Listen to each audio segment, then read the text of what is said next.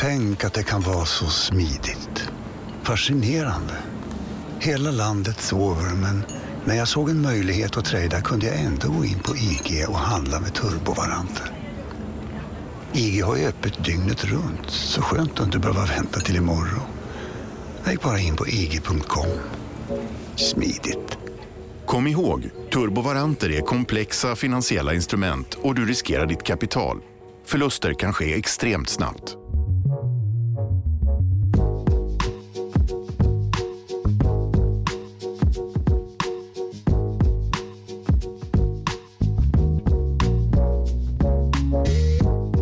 En svält av bibliska proportioner hotar världens befolkning, deklarerade företrädare för FNs livsmedelsprogram i en rapport under våren 2020 i takt med att pandemin bredde ut sig. Två år senare tillerkändes den profetian ytterligare en grad av sannolikhet sedan ett land känt som en av världens viktigaste brödkorgar, det bördiga Ukraina, angripits av Ryssland i ett storskaligt krig vars humanitära lidande plötsligt riskerade sprida sig över hela världen via utarmade leverantörskedjor av livsmedel. I den här podden har vi mest pratat om leverantörskedjor i termer av flaskhalsar med högteknologiska komponenter, men det här avsnittet handlar om någonting mycket viktigare och basalare. Följdeffekterna blev tidigt synliga i ekonomin genom skenande inflationstal men i många länder tycks nu hungersnöder och revolter oundvikliga i världen. Ukraina, om någon, vet hur det kan gå 90 år efter landets egen kusliga svältkatastrof. Eller finns det något alternativ till den digra förkunnelsen? Det här är Follow the Money, en podcast om makt, storfinans och börsen av med mig, programledare Martin Nilsson och utrikesredaktör Joakim Rönning. Glad tisdag på dig. Pest, krig och svält, vilken härlig eh, tid vi är inne i. Mhm, det är vi verkligen. Eh, var, var börjar vi det här? Eh, det, det pratas ju då om en biblisk svältkatastrof från FNs sida, Mm. eller gjorde. Och som sagt så verkar det ju finnas en del mer stöd nu än vad det gjorde när själva prognosen utfärdades eller varningen utfärdades. Och då tyckte jag att det vore trevligt att kanske gå tillbaka till Bibeln. Vad är en biblisk svältkatastrof egentligen? Ja, okej.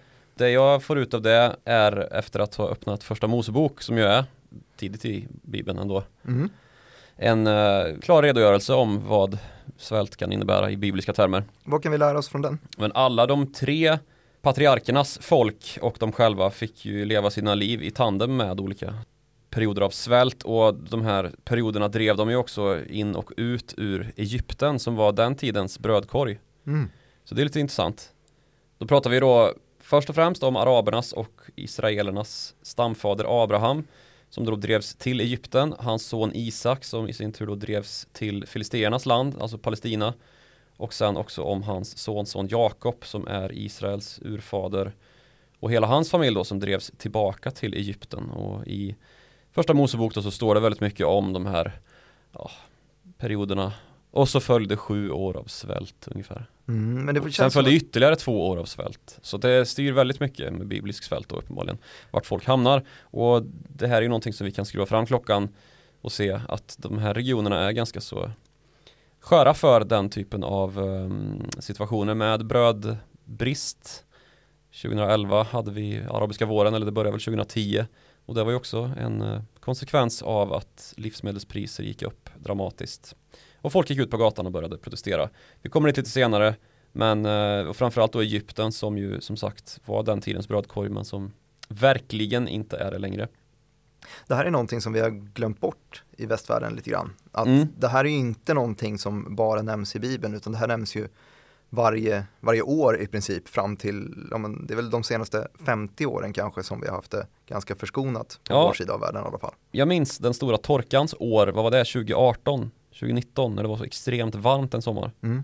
Och eh, då var det en del folk som började veva med argument om att hallå har vi någon, någon som har tänkt på livsmedelsförsörjningen om vi får sådana här torkor ett par år i sträck vilket ju kanske är på väg då med klimatförändringar och sådär särskilt i vissa delar av världen har vi verkligen täckning för att vi har livsmedelsförsörjningen i drägligt skick då Mm.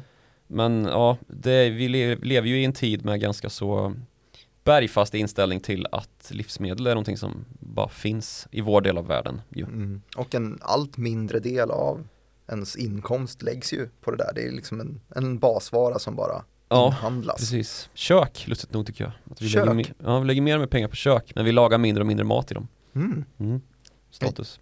Det säger väl en del om olika ekonomiska fenomen som framträder i välfärdsekonomier på ett spännande sätt.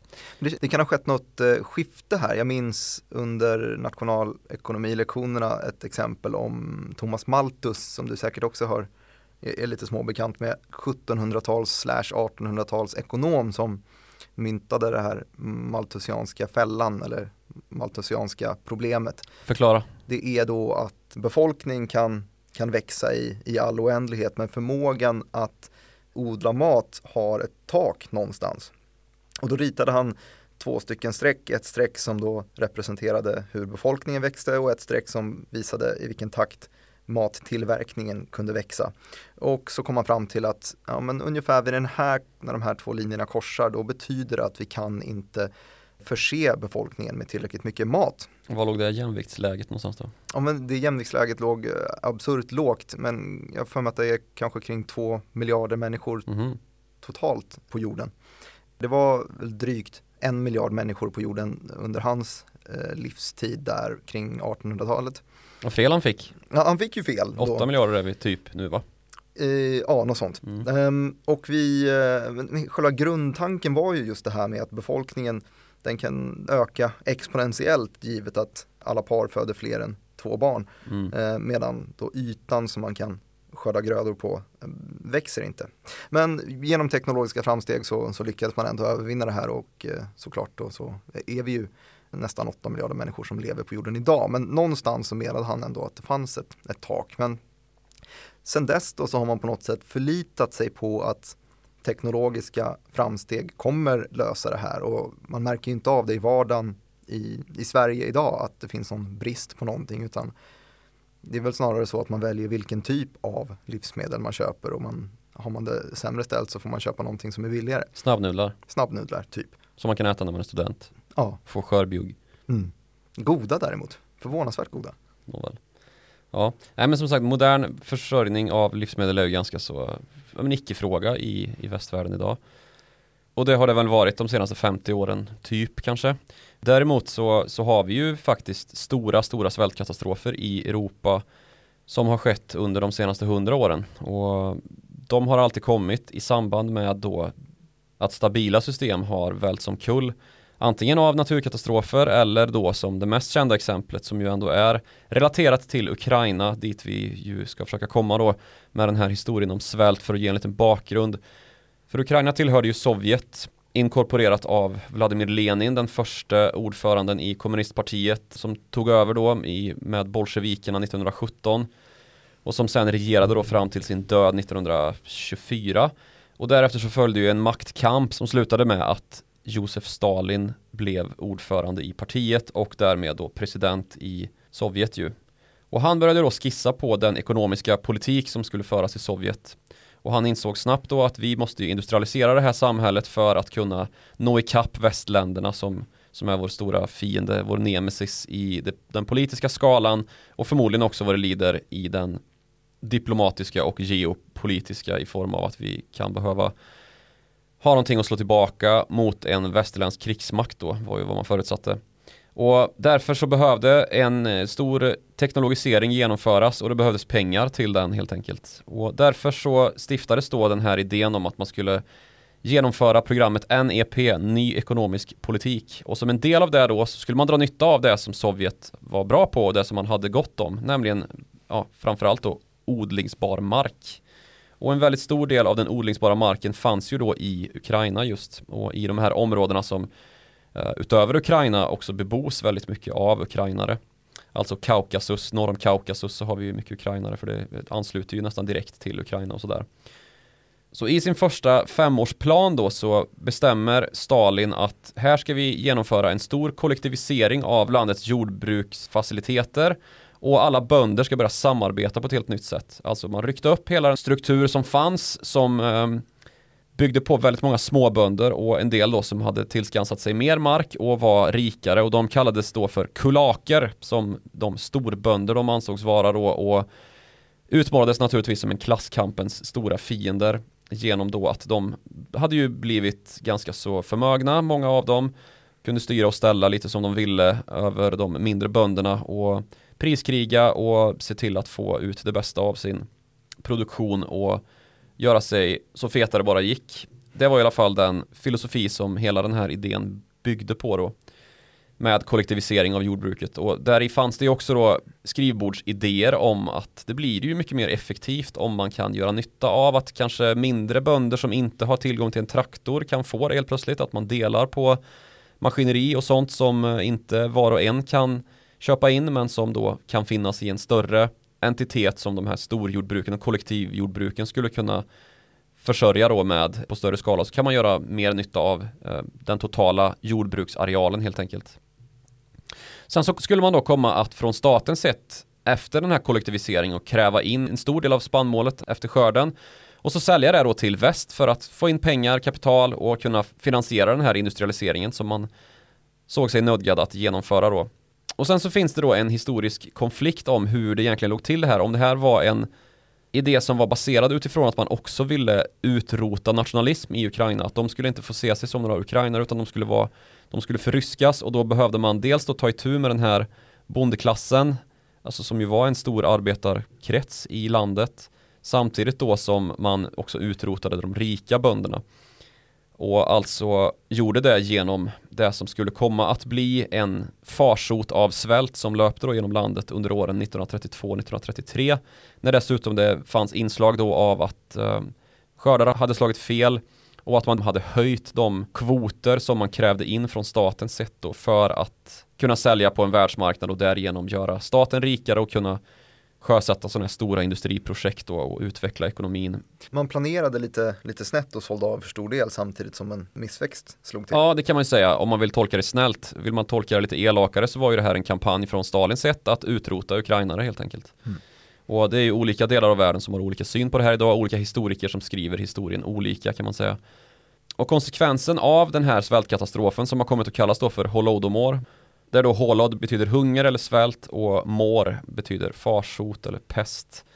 Så en hungersnöd som då tog livet av eh, också olika utifrån vilken historieskrivning man går på men mellan 3 och 10 miljoner ukrainare som fick eh, betala med sina liv då för den här ekonomiska omställningen som gjordes från Moskva.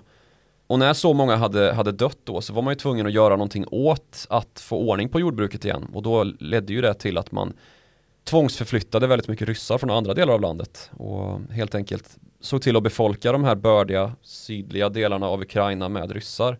Och där har vi ju liksom i sin linda vad det var som gjorde att Ukrainas östliga eller sydöstra delar började utropa sig själva som självständiga då, att man var ryssar egentligen, att man inte ville lyda till Kiev och några demokratiskt sinnade ukrainare som man inte såg sig särskilt eh, allierade med utan istället ville tillhöra Moskva och den ryska kultur som man ja, i grund och botten för några generationer tillbaka härstammade från då. Jag skulle säga också att det här var en svältkatastrof som inte bara pågick i Ukraina utan som också ja, på grund av väderorsaker och den här fruktansvärda ekonomiska politiska omställningen också drabbade regioner som, som Kazakstan till exempel där det dog också miljontals människor och som sagt delar av Kaukasus.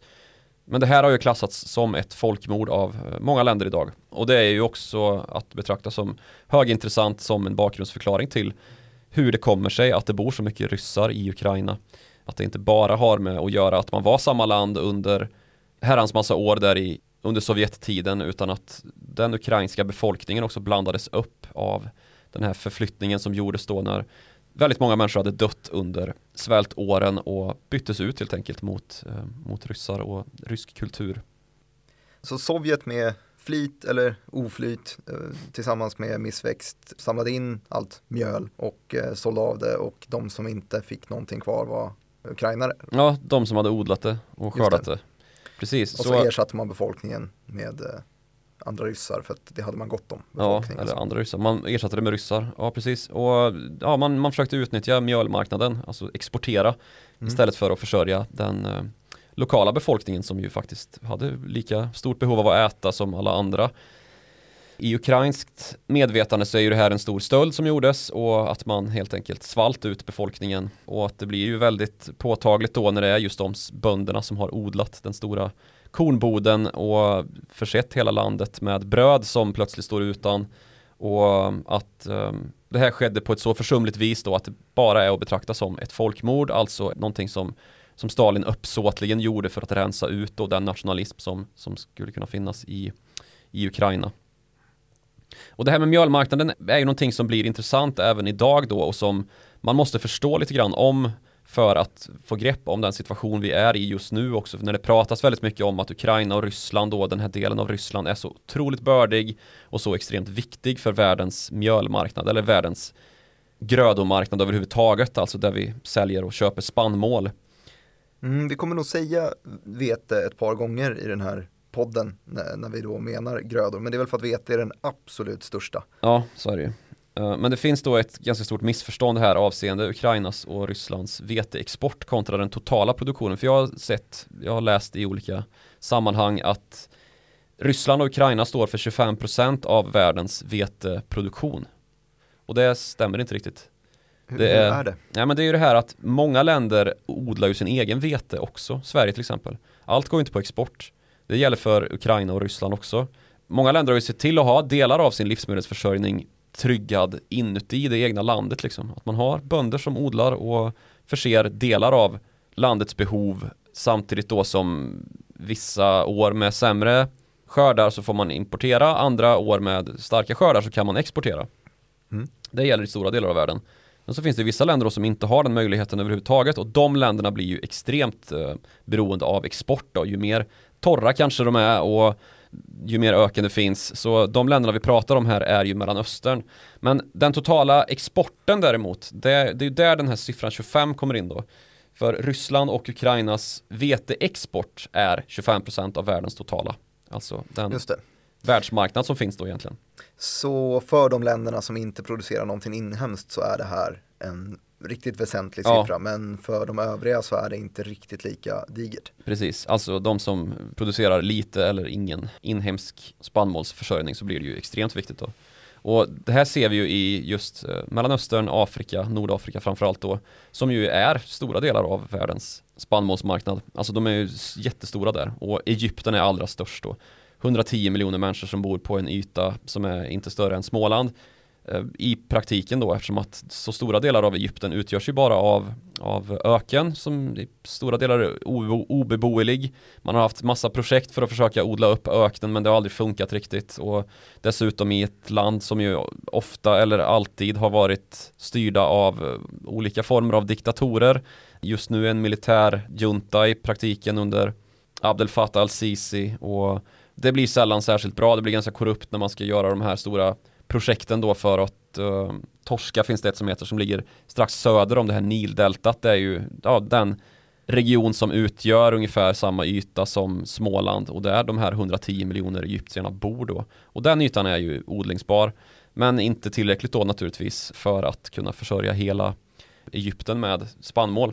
Mm. Och om man ska jämföra de här volymerna då som, som vi pratade om med Rysslands och Ukrainas export så kan man ju titta på då hur mycket Sverige odlar och där är ju Småland en ganska så väsentlig del, det är en bördig region, särskilt i syd ju. Och i Sverige så har vi en total årsproduktion av vete på 2,2 miljoner ton. Säg mig ingenting. Nej, om vi då jämför med Ukrainas produktion som är 25 miljoner ton om året så har vi ju lite Ja men då, då ger det mig något en bra relativt siffra. tal här. Och av de här 25 miljoner tonnen så går 17 miljoner på export. Så man behåller alltså 8 miljoner ton inom landet. Och resten skickas ut på världsmarknaden i stora drag till Mellanöstern och Nordafrika. Ryssland då, de sitter på en produktion på 85 miljoner ton, varav 39 miljoner ton går på export. Så nästan hälften, drygt 40 procent, går på export där. 39 miljoner ton av 85 miljoner ton. Och i Sverige har vi 2,2 miljoner ton total produktion. Säger ju en del liksom om Bördig jord. Ja, men bördig jord och att det här är någonting som är en viktig industri i både Ukraina och framförallt Ukraina men också i Ryssland då. Mm. Och den största delen av den här produktionen består då av det som vi kallar för höstvete. Och det är det som nu då hotar att raderas ut ur marknaden och höstvetet det är då när man sår i, eh, under hösten innan vintern sätter växtligheten i dvala så sår man alltså och så skördar man sen någon gång strax innan sommaren kommer eh, på allvar och det blir torrt. Typ nu då? Ja, Eller? inom de närmaste månaderna så händer ju det här då. Det är alltså den största skörden som görs under ett år. Sen så finns det ju vårsådd också då, när man odlar under sommaren. Och nu är det ju verkligen frågan då om hur mycket av den här höstsådden som kommer kunna skördas. Och sen ska man ju också vara noga med att säga att det är ju inte bara vete som, som är ett eh, ätbart sädesslag utan det finns ju också majs, det finns eh, råg och ja, men alla, alla de här andra spannmålen som går till livsmedel som, som ju naturligtvis odlas i både södra Ryssland och Ukraina som nu hotar att ja, försvinna från världsmarknaden i grova drag. Och de som drabbas i första hand är alltså länder som inte odlar så mycket själva, alltså Mellanöstern och Afrika. Och om vi ska återgå till Egypten då som ju är det bästa exemplet så består då 80% av deras veteimport av um, grödor som odlats i Ukraina och Ryssland. Och sen så har vi ju andra länder inte långt därifrån. Vi har eh, Libanon, Afghanistan, Palestina, Jemen, Somalia, Sudan och Eritrea. Alltså fattiga länder där i vissa fall en majoritet av befolkningen dessutom lever på brödransonering och där mat nästan uppfattas som en ja, men en mänsklig rättighet, en form av garanti som då staten i ganska stor utsträckning har ansvaret för och det gör ju att oroligheterna ofta kommer ganska snabbt eftersom att det på gatan då finns en tydlig gärningsman till svälten och det är ju regimen. Mm. Jag såg nu i veckan här tv-bilder ifrån Kairo just där Al-Sisi då, diktatorn sitter då under en presskonferens först då på ett ganska teatralt sätt be om den militära överbefälhavaren om uppgifter om hur mycket bröd och ransoner det finns tillgängligt och sen när han får svar så ger han också order om att sälja till halva pris. Så att eh, det är jättetydligt att det finns mycket av den inhemska politiken och hämta ur just livsmedelsförsörjningen i de här länderna. Och det här är ju någonting som man är ganska bekant med såklart.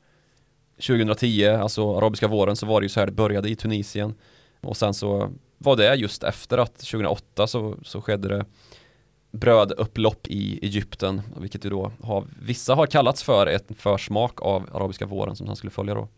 Mm, det blir ofta så att olyckor sällan kommer, kommer ensamma. Jag läste för, för ett år sedan, plockade upp samma artikel igen för jag minns att jag hade det bak i huvudet att Livsmedelsföretagens eh, chefekonom Karl Eckerdal nämnde just då Q2 2021 och sa att det kommer bli rejält mycket högre livsmedelspriser. Han lyfte egentligen tre stycken punkter. Han sa Ja, det är en stark konjunktur som såklart driver upp betalningsmöjligheterna. Det är ett eh, extremt logistikhaveri. Det var ju ungefär för ett år sedan som vi först såg de här riktigt höga containerpriserna, alltså shippingkostnaderna. Och de ligger ju kvar fortfarande. Eh, och att det var extremväder och man såg att det var missväxt på stora delar av skördarna. Eh, och han hade jämförelsetalen då, att man kollade då de senaste fem åren innan 2021 hur mycket som hade producerats i snitt per år och att 2021 då just var 7% lägre än snittet. Och då kommer det här ju redan från ett ganska lågt snitt om jag förstår det rätt. För du nämnde det här att om det var sommaren 2018 som också var ett... Ja, 18 eller 19, jag minns inte riktigt nu men det ja, var, men det, alla alla minns ju den plats, extremvarma sommaren. Det får plats i de här fem åren som är jämförelsetalen. Mm. Där det också var riktigt dålig skörd. Så att han spådde ju då, långt innan vi ens fick nys om att det skulle bli en fullskalig invasion av Ukraina, att det skulle bli dyrt med livsmedel och att det här var en orospunkt. Mm. Och om vi då återbesöker de här delarna så stark konjunktur, ja det är det fortfarande, det är starkare, i alla fall om vi kollar USA och Europa. Eh, Sverige så har vi arbetslöshetstal i, i linje med prepandemiska nivåer 2018-2019. Vi har fortfarande logistikhaveri, jag nämnde de här containerpriserna. Vi har kanske inte extremväder, missväxt, det återstår väl att, se om vi får något sånt eftersom att man inte riktigt har skördat än, det kan väl hända vad som helst. Ja, det vore ett hurra. Vore ett hurra i så fall. Men vi har istället ett krig eh, som mm. väl får samma typ av utbudschock som en missväxt skulle ha i ett sånt område. Ja, det här är nog liksom tveklöst den största utbudschocken för livsmedelsindustrin sett till råvaror då som ja, på en generation i alla fall. Men det det här leder till är ju då om vi, om vi sätter ett kryss över hela Ukrainas produktion och tänker oss att det de producerar det kommer de konsumera själva också. Deras del i exportmarknaden kommer vara väldigt liten om ens någon det här året. Det kanske är så att de till och med behöver stöd. Um, så är ju Ryssland kvar i det hela. Och deras produktion lär ju vara ganska o, opåverkad av det hela. Och att deras export då blir en extremt stor del av världsmarknaden så sätter det Ryssland i, ett, i en maktposition. I samma sätt som vi, vi har snackat om att de har haft en maktposition vad gäller råvaran olja och gas till exempel. Mm. Så har vi något form av politiskt maktkort de kan spela där. Ja, definitivt. Nu är ju problemet för Ryssland då att man har sanktioner på sig. Så det är svårt då att handla hur som helst. Och dessutom så har man ett utförselproblem. Visst, man kan föra ut via land då, men inte till Europa. Det är inte särskilt populärt att köpa någonting överhuvudtaget av Ryssland just nu. Men däremot så har man ju Kina då i viss mån lite lättnad ifrån. Och sen så ska man väl lyfta det här lite eh, från sitt domedagsscenario, alltså om vi får någon sorts vapenstillestånd, man kan avminera Svarta havet, för det är ju mycket där det handlar om att det går inte att föra ut ukrainska varor på samma sätt som det gjorde tidigare då med lastbåt från då hamnarna som är i södra Ukraina där det är som allra mest bördigt. Så får man ju lägga det på i den mån det går då, för det är ju också väldigt hårda strider i just syd och i de här bördiga områdena där det bor så mycket ryssar och där man ska frita då de ryska befolkningsområdena från Ukrainas grepp ungefär. Så det är nog svårt att få ut den spannmålsproduktionen på något annat sätt än just via båt då. Och ja, mycket bombade hamnar och sådär så det kan nog bli rätt kärvt och i alla fall uppnå den prognostiserade nivå då som man har från ukrainskt håll sett. Nu har man då under 21-22 i alla fall hunnit ut med ganska så mycket innan kriget bröt ut då av årlig eh, produktion. Det ser ut som att en fjärdedel av vetet brinner inne. Men desto värre är det med majs då, där det ser ut som att 40% ser ut att brinna inne från den ukrainska skörden. Men det jag menar här är ju då att ja, det kommer nog finnas ganska hårda sanktioner från väst man kommer inte kunna exportera någonting åt det hållet. Kina kanske är lite lösare, men Ryssland kan ju absolut föra narrativet med att vi måste se till att de här leveranserna når Ja. till Nordafrika.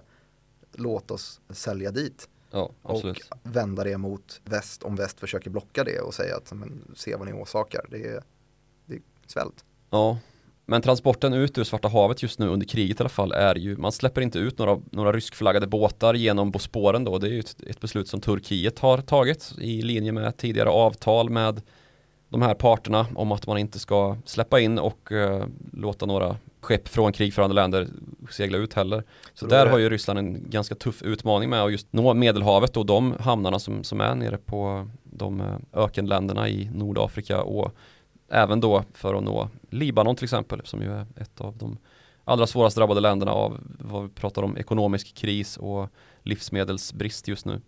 Men det är i alla fall en lätt, lätt story att bära i alla fall. Att det är Erdogans fel att folket svälter i Nordafrika i så fall. Absolut, det kan det nog vara men sen så får man väl hoppas att det att det finns liksom förståelse för vart någonstans problemet ligger egentligen. Så vi nämnde att det var en utbudschock. Vad skulle man kunna göra på utbudssidan? Ja, det finns väl många liksom, teoretiska saker man skulle kunna göra som dessvärre inte funkar så bra i praktiken. Men till exempel då kan man ju diskutera om det går att byta kost liksom för folk. Att man kan äta mer protein till exempel. Och dels är ju ganska bevisat att människan är en vanefigur och att det är svårt att få folk att byta kost. Och dessutom då, vad ska man byta till? Ja men äta djur, eh, proteiner, kött. Låter dyrt. Ja, dels det, men också då, vad äter djur? Ja. Spannmål. Mm. De äter ju också spannmålsbaserat foder liksom. Så att det blir ju svårt. Sen ska man ju då tänka sig att eh, okej, vi har en eh, höstskörd som i mångt och mycket ser ut att bli svår att få ut över världen då från Ukraina och Ryssland. Kanske det finns någon på det södra halvklotet som kan leverera lite extra vårsådd istället då, för den skördas ju ungefär samtidigt som, som norra halvklotet skördar sin höstsådd ju, för där är det ju upp och nervänt i eh, årstiderna, eller hur? Det är ju sommar när det är jul i Australien liksom. Just det, jag har aldrig riktigt greppat det där. Nej, Men, så är det i eh, alla fall.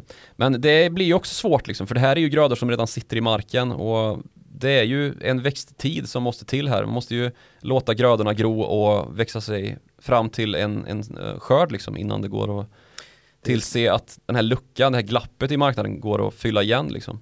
Stora eftersläpningseffekter, det går liksom inte Ja, att åtgärda på ett tag. Och dessutom så är det ju de här osäkerhetsfaktorerna då med om det blir torka, extremväder av något slag som, som gör att det kan slå åt olika håll. Men det måste finnas incitament just nu att stoppa ner så mycket sådd Jo, i jorden som det bara går det gör det nog. för att säkra 2023 kanske.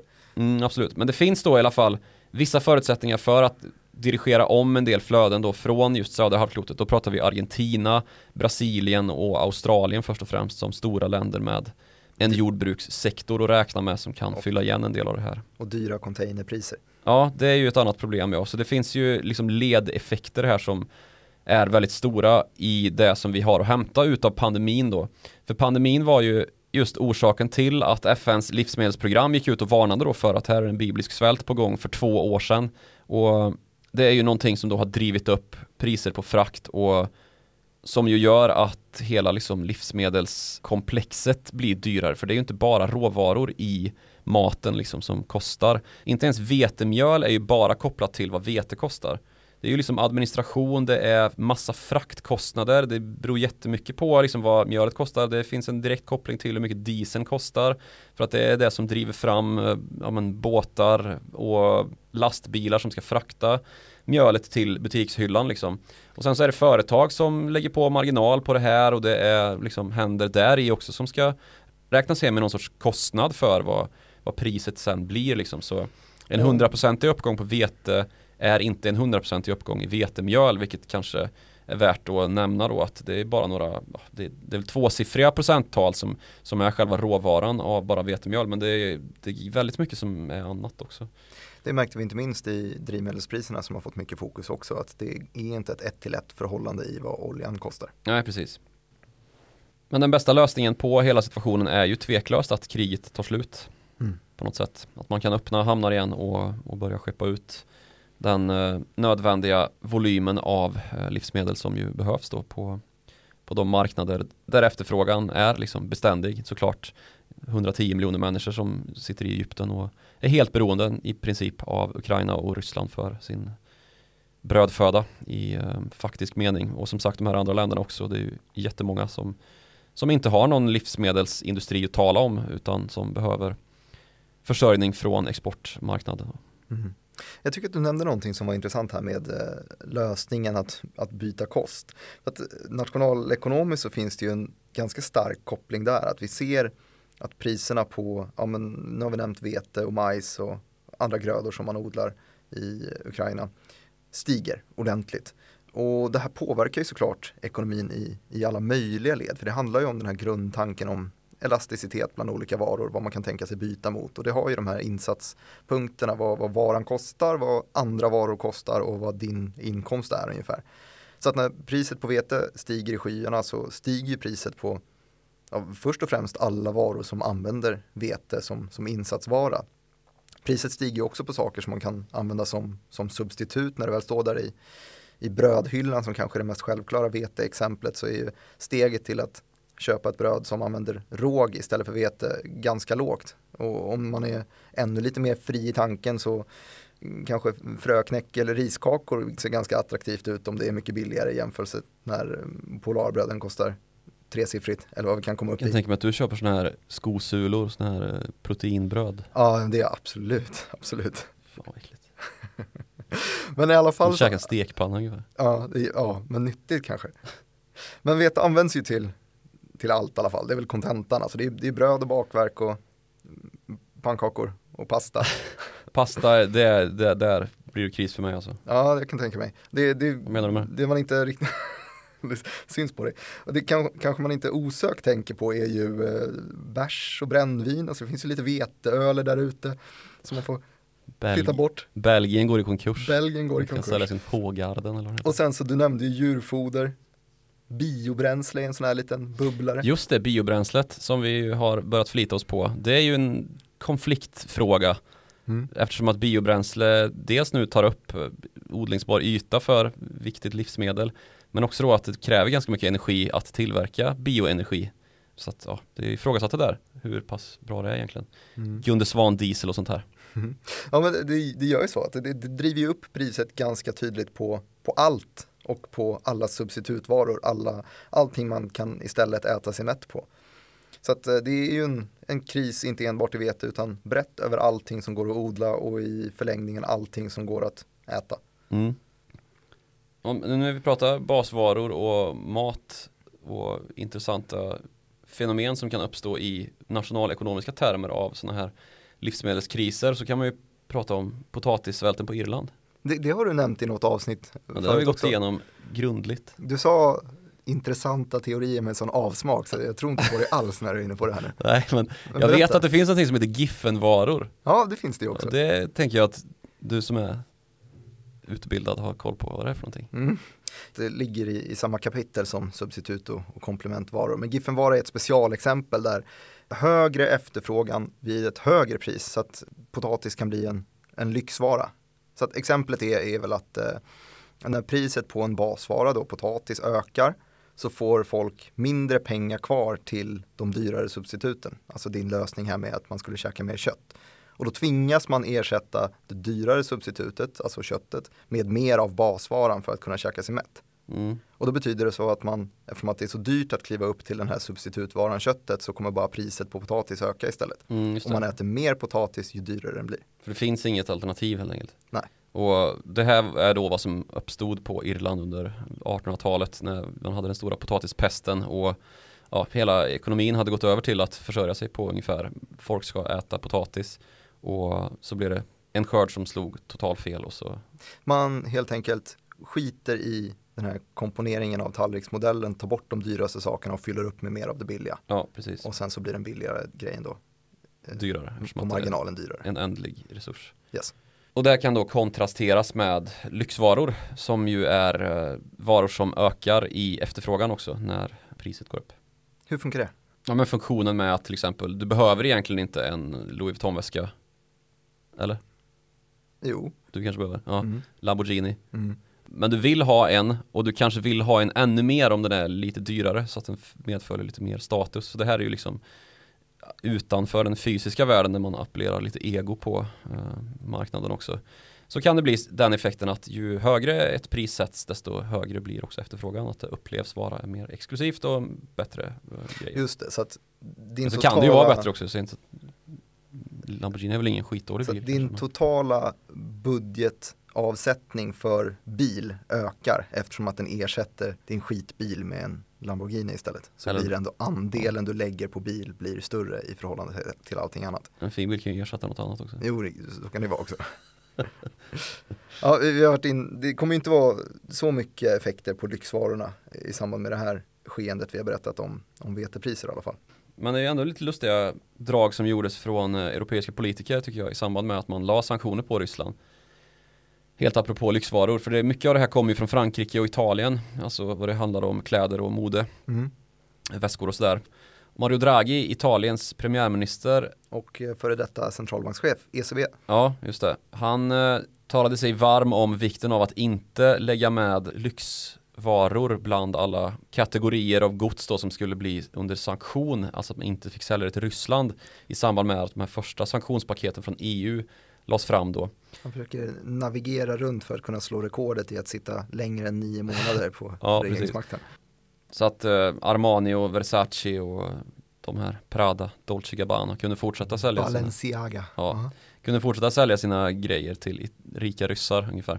Mm. blir de fransmännen ganska glada också med sitt Louis Vuitton och sådär. Men sen till slut så fick man ge med sig i typ EUs, jag vet inte, fjärde paket så var lyxvaror till slut också med. Och här under de senaste dagarna så har det också varit en del utveckling när Schweiz har gått med ju. Eh, ja, det gjorde man ju tidigt, men de senaste dagarna så har det rapporterats att ryska FSB, alltså deras säkerhetstjänst, har gjort en räd mot schweiziska lyxklocksbutiker och konfiskerat en massa klockor då som, ja, men till värde av flera miljoner. Och det är då från märket Audemars Piguet som eh, man beslagtagit gods då för flera miljoner dollar. Det lät som att du har uttalat det där namnet en gång förut. Ja, det första gången. Ja. Audemars, som vi brukar säga hemma. Mm. Och det här är ju ett av alla bolag som har dragits ur Ryssland den senaste tiden. Det är ingen som Men jag typ- fattar inte varför beslagtog man dem och vilka? Alltså Ryssland har ju gått fram nu med ett, en strategi där man eh, hotar med att typ ta bolagen och göra dem förstatligade för att då inte det ska brisera en jättestor arbetslöshet då bland de anställda som jobbar hos västerländska bolag men som plötsligt står utan jobb då om företagen helt enkelt avvecklar och drar därifrån. Så då har man lite olika alternativ som man har ställt upp för de utländska bolagen att antingen så drar ni härifrån och lämnar över eller så fortsätter ni som om inget har, inget har hänt. Ni tar inte någon politisk ställning visar vi situationen i Ukraina eller så kommer vi konfiskera, alltså beslagta verksamheten och driva den i statlig regi. Det finns ju en del rätt roliga logotyper som nu har registrerats hos den ryska motsvarigheten till Patent och registreringsverket. Alltså logotyper för ett nytt ryskt McDonalds där M är vänt så att det är ett B. Ikea blev ju Idea. Just det. Ja, så um, det är så det funkar. Får vi se. Det Då tar de bara över lokalerna och tar över hela businessen. Alltså vi, på McDonalds-nivå, jag vet inte hur många Idea det nu finns i Ryssland, men McDonalds är ju 850 restauranger. Ja, men det finns ett bra gäng. Ikea har gjort en jättestor satsning i Ryssland som ju nu ser ut att falla rätt platt. Mm. Alltså gi- gigantisk satsning som initierades av Ingvar Kamprad och som ja, har fortsatt efter att han gick bort. Ja, och som nu då har etablerat sig kring en massa jättestora köpcentrum i de ryska storstäderna men som ja, nu står tomma. Mm. Och eh, som en del då av den här stora ESG-opinionsströmningen som bröt ut här efter Ukraina-invasionen. Där ju ja, Ryssland skulle vändas ryggen totalt och ja, till slut så fick ju Ikea dra och det motiverade man ju mer med att nej, vi kan inte göra affärer i Ryssland på grund av att ja, men det går inte att handla, det går inte att köpa in grejer och ja, att verksamheten är omöjlig att, att bedriva snarare än att man tog någon politisk ställning. Och det är ju ofta så det blir i den här företagsvärlden. Mm. Men ja, McDonalds och, och Idea, det är kul att Kina-kopian inte längre bara är Inte kinesisk. heter det väl McDonalds? Nej, jag vet inte. Nej, det heter något annat. Men, men eh, det står faktiskt för Dia Vanja, eller farbror Vanja som det blir på ryska. Men eh, det är då utifrån att man har ett kyrilliskt alfabet och där blir B ett V. Mm. Så ja, där har du McDonalds tycker jag är roligt i alla fall. Ja, McDonalds är bättre. Du, vi har glidit ifrån, nu kommer vi faktiskt fram till, till mat igen, men det är någonting som faktiskt påverkar hela den här prisbilden. Om vi kommer tillbaka till det lite seriösa så nämnde jag att det har varit någonting som har förändrat matpriserna, framförallt vetepriserna enligt den här livsmedelsföretagens chefekonom. Och då var det stark konjunktur, det var logistikhaveri, det var missväxt eh, 2021. Eh, vi har kvar den starka konjunkturen berättade vi, logistikhaveriet kvarstår. Missväxten har vi eh, fortsättning följer på, krig har vi då istället. Men Mm. det finns en grej till som såklart påverkar också och kanske framförallt gör att det kan påverka 2023 och det är ju någonting som våra tittare har hört av sig till oss och eh, tipsat om flera gånger och vi har Menar tagit upp det någon gång. lyssnare? Jag menar lyssnare ja. Ja det var ju dumt. Ja, Lyssnare, det, Ja. det förstod ni ju ni som lyssnade. ja. Eh, Du gör tv också? Ja det gör Ja. jag. Eh, gödningsmedel såklart. Ja, precis. Det här är ju eh, stora exportvaran från, inte Ukraina, men norr om Ukraina ligger ju Belarus istället. Ganska mycket Ukraina också faktiskt. Alltså, Men eh, det är ju olika delar av leverantörskedjan här. Um, för göringsmedel, vad är det egentligen? ja, Skit, ja, tänker man. Eh, så tänker man på gödselstack, säkert. ja. Det har säkert Emil naturodlingar hade någon Pekkas bra lösning med Ja, det får du dra egna en, kretslopp. du får dra en hisspitch på vad Pekkas naturodlingar är då. Ja, Pekkas naturodlingar är ju då ett börsnoterat bolag. Är det det verkligen längre? Jo men det är det ju faktiskt, det heter ju bara Agtira istället för Pekkas Jaha, det naturodlingar längre. okej. Eh, tråkigt att de har tappat det namnet. Men det Mm. var eh, ganska framstående och man kunde köpa deras tomater på min ICA när jag bodde i Sickla till exempel. Mhm. Och fanns lite överallt. Goda tomater. Men de hade något eh, fisk och grönsaksodlingsbolag. Och Fisktomater, de, mm, det lite låter sådär. gott. Så att de hade då löst den här gödningsfrågan genom att eh, bygga ihop ett litet eget kretslopp där. Ja. Ja, men eh, det är ju inte den typen av gödningsmedel, fiskskit eller eh, någon annan, något annat djurs skit som man ska tänka på när man tänker gödningsmedel idag. Mm. det kan vara det, men den här gödselstacksidén som gällde förr i tiden när det liksom mockades inifrån stall och lador och så hamnade det på en hög som man sen spred ut över åkrarna. Det är ju inte riktigt så man jobbar industriellt idag. Utan nu handlar det ju om industriellt framställt gödningsmedel som då i en process som kallas för, vad heter den? Haber-Bosch-processen. Det är de, en av gubbarna bakom Bosch, det stora industriföretaget i Tyskland som kom på det här. Se på fan. Alltså Bosch-familjen ligger ju bakom typ all industri i Tyskland känns det som. Ättlingar till Robert Bosch som grundade bolaget då som eh, verkar som en underleverantör till framförallt fordonsindustrin och som har gjort det sedan slutet på 1800-talet typ. I alla fall, tyskarna är ju fortfarande väldigt stora på det här med gödningsmedel, eh, fröer och sånt överlag. Bayer är ett sånt bolag och Bayer har ju bara blivit större och det är genom den här, den här jätteaffären med Monsanto, amerikanska Monsanto. Så det här är ju också en, en bransch som är kraftigt konsoliderad. både vad gäller frötillverkning och tillverkning av sådana här gödningsmedel men även av olika bekämpningsmedel. Men det man behöver då för att tillverka gödningsmedel specifikt då i den här industriella Haber-Bosch-processen det är kväve, fosfor och kalium. Och för att då få fram det kalium som behövs så behöver du i princip tillgång till den pottaska som kommer från Belarus och pottaska då det är kalium. Pottaska heter det för att det tillverkades i sin linda i uh, krukor, alltså pots. Mm. Och ja, därifrån, inget annat. Men uh, Belarus har ju också som bekant hamnat under sanktioner för att man bistår Ryssland i invasionen av Ukraina. Och därmed så har man ju rätt tufft att få tillgång till den marknaden på en öppen basis eh, likväl som det gäller för Ryssland ju. Så det försvårar än den här teorin om att det sydligare halvklotet kanske skulle kunna spä på sina ja, precis. och maxa um, Exakt, och när tillverkningen då sker i länder som Norge det spelar inte så stor roll vart det är någonstans när råvaran till själva tillverkningen då är så beroende av dels råvara från Belarus, Ukraina och Ryssland och dessutom då när vi har naturgas som är så eländigt dyr som den har varit här de senaste åren på grund av då att vi har haft dels krisen kring Ryssland men också den här knäppa återstarten av ekonomin som kommer väldigt mycket hastigare än vad bedömarna hade räknat med och plötsligt så fanns det en enorm bristsituation i typ alla energilager. Det var inte bara naturgas som rusade, men vi hade ju stora problem redan förra vintern med kraftiga prisuppgångar i naturgas. Och naturgas är då en vara som är väldigt viktig i att framställa just gödningsmedel.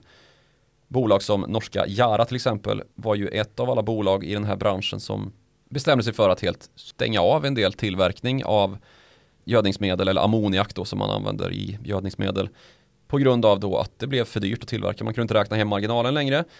Och då kan man ju också liksom gå till den här konkurrenssituationen som råder i den här jättekonsoliderade branschen och börja ifrågasätta lite. Har man varit för tam här i att faktiskt stoppa en del av sådana här stora fusioner som har lett då till att det finns en bristfällig konkurrens här. Man till, ser inte den behovssituation som uppstår av att faktiskt komma fram med smarta lösningar i kristider utan man sitter i sina stora bolag och fattar beslut som påverkar hela marknaden jättemycket och i förlängningen hotar varuförsörjningen eller livsmedelsförsörjningen i stora delar av världen på ett sätt som eh, inte är så positiv om man ska följa de marknadslagar som vi har bestämt oss för i både EU och framförallt i USA då där konkurrens och den av eh, oss inte minst hyllade innovationen som ju vi är så duktiga på att den blir kväst helt enkelt. För att allting är för, för konsoliderat. Ja, att det finns för få bolag som, som håller på med det här och vi har ju en liknande situation i USA när det kommer till just uh, längre ner i näringskedjan då om vi pratar just kött och, och spannmål att man nu har kommit fram till att oj det är visst alldeles för konsoliderat här och framförallt på köttsidan då när vi pratar köttprocesser så finns det alldeles för få bolag idag. Och det här har lett till då stora problem med eh, prisfixning, karteller och att man helt enkelt drar nytta av den här situationen och utökar sina marginaler på ett för de mindre konkurrenter som finns ogynnsamt sätt då så att man stänger ute konkurrens helt enkelt. Just det, det blir närmast monopol-lika förhållanden. Ja, det blir, det just det blir oligopoler det väl handlar om i så fall. Och det, det, här är ju någonting som man då kan börja diskutera i även i Europa då när vi ser så få tillverkare av just eh, bekämpningsmedel och gödningsmedel att eh, de goda idéer som nog kanske i en större, mer konkurrensutsatt marknad hade kunnat lösa problem, i alla fall lite snabbare än vad, vad som är fallet nu. Man ska väl inte liksom kasta yxan i sjön här eftersom att en annan ganska så konsoliderad marknad är läkemedelsindustrin och där gjorde vi ju slag i saken och fick fram vaccin på ett väldigt snabbt vis men då var det ju faktiskt en del mindre bolag, Moderna och Biontech i, i Tyskland som kom fram med den här mRNA-tekniken och löste biffen. Biffen. Ja, det var otroligt roligt ord. Mm. Ja men det finns ju Unintended. Det finns ju såklart eh, fördelar med att det är stora bolag också. Man, man konkar inte direkt men det blir väldigt volatilt. I alla ja, precis. Det blir väldigt volatilt utifrån enskilda beslut då om det finns, nu säger jag inte att det gör just det, men säg att det finns fyra stora tillverkare av gödningsmedel och så bestämmer sig två av dem för att äh, fan skit, skit i den där typen av gödningsmedel, den går ju ändå inte att tillverka nu eftersom att marginalerna är så små. Så plötsligt så finns inte den specifika gödningstekniken tillgänglig och då kanske en viss gröda blir väldigt lidande av det. Och då blir ju situationen kanske ohållbar i en dominoeffekt då som leder till att Mm. vi får stora problem över världsmarknaden och det här är ju liksom effekter som är så stora att vi kan ju inte kalkylera dem på, på skrivbordet liksom utan Nej, men ändå förhållandevis får jag väl säga okända bolag som ändå Yara är 100 miljarders bolag liksom Ja. i storleksklassen. Men som då stänger ner delar av sin produktion. ja, våra norska. Våra norska kollegor på TDN Direkt, vi har ju en norsk systerbyrå, de är ju, publicerar ju gödningsmedelspriser varje dag. Ja, men de är riktigt på hugget vad gäller, Ja, men det är gäller jättestora- laxpriser för att de har salmar och Greek precis. seafood och, och Backafrost och sånt där där uppe och sen så har de också gödningsmedel och så oljan då såklart som de är grymma på. Grymma på. Grymma på. Ja, de är duktiga på det. Ja, grattis, alltid. TDN-redaktionen och förstår inte vad de säger men Nej. vill ha information. Jag ska se, jag ska se något syrligt om Norge. Men de har inget idé som kan bli utslängt ur Ryssland. Nej, inga, inga, nej. Så, Mm. ehm. Men i alla fall, varför jag säger det här med konkurrens då är ju för att handeln är ju otroligt viktig nu. Och handelns funktion liksom, som ju är att sprida tillgängligt utbud till den befintliga efterfrågan. Det är ju den som på sikt då ska absorbera den chocken som vi har nu som har beskrivits, inte bara av mig naturligtvis, som den största på en generation.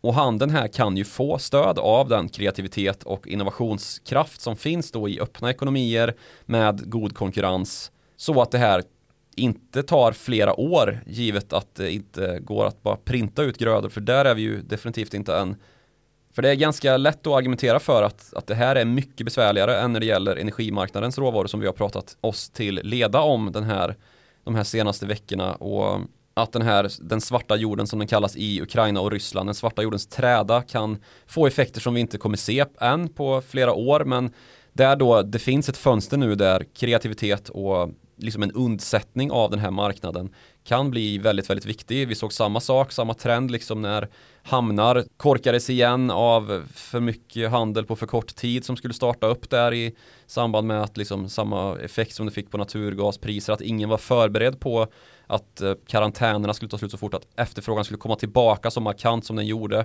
På samma sätt nu så är vi i ett skede där vi helt enkelt behöver goda idéer för att få ut så mycket livsmedels och spannmålsvolym som möjligt på världsmarknaden så fort som bara möjligt är.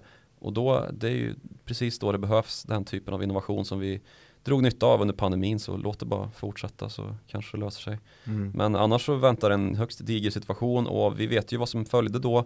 Senast det begav sig med stor hungersnöd i eh, Nordafrika med arabiska våren och vad det ledde till i mänskligt lidande med effekter såsom inbördeskrig och eh, syrisk-irakisk terrorsekt i fokus under ett flertal år när liksom eh, allt i nyhetsagendan på något vis kopplades till det med flyktingvåg och IS-resenärer och svenska telekombolag som Mm.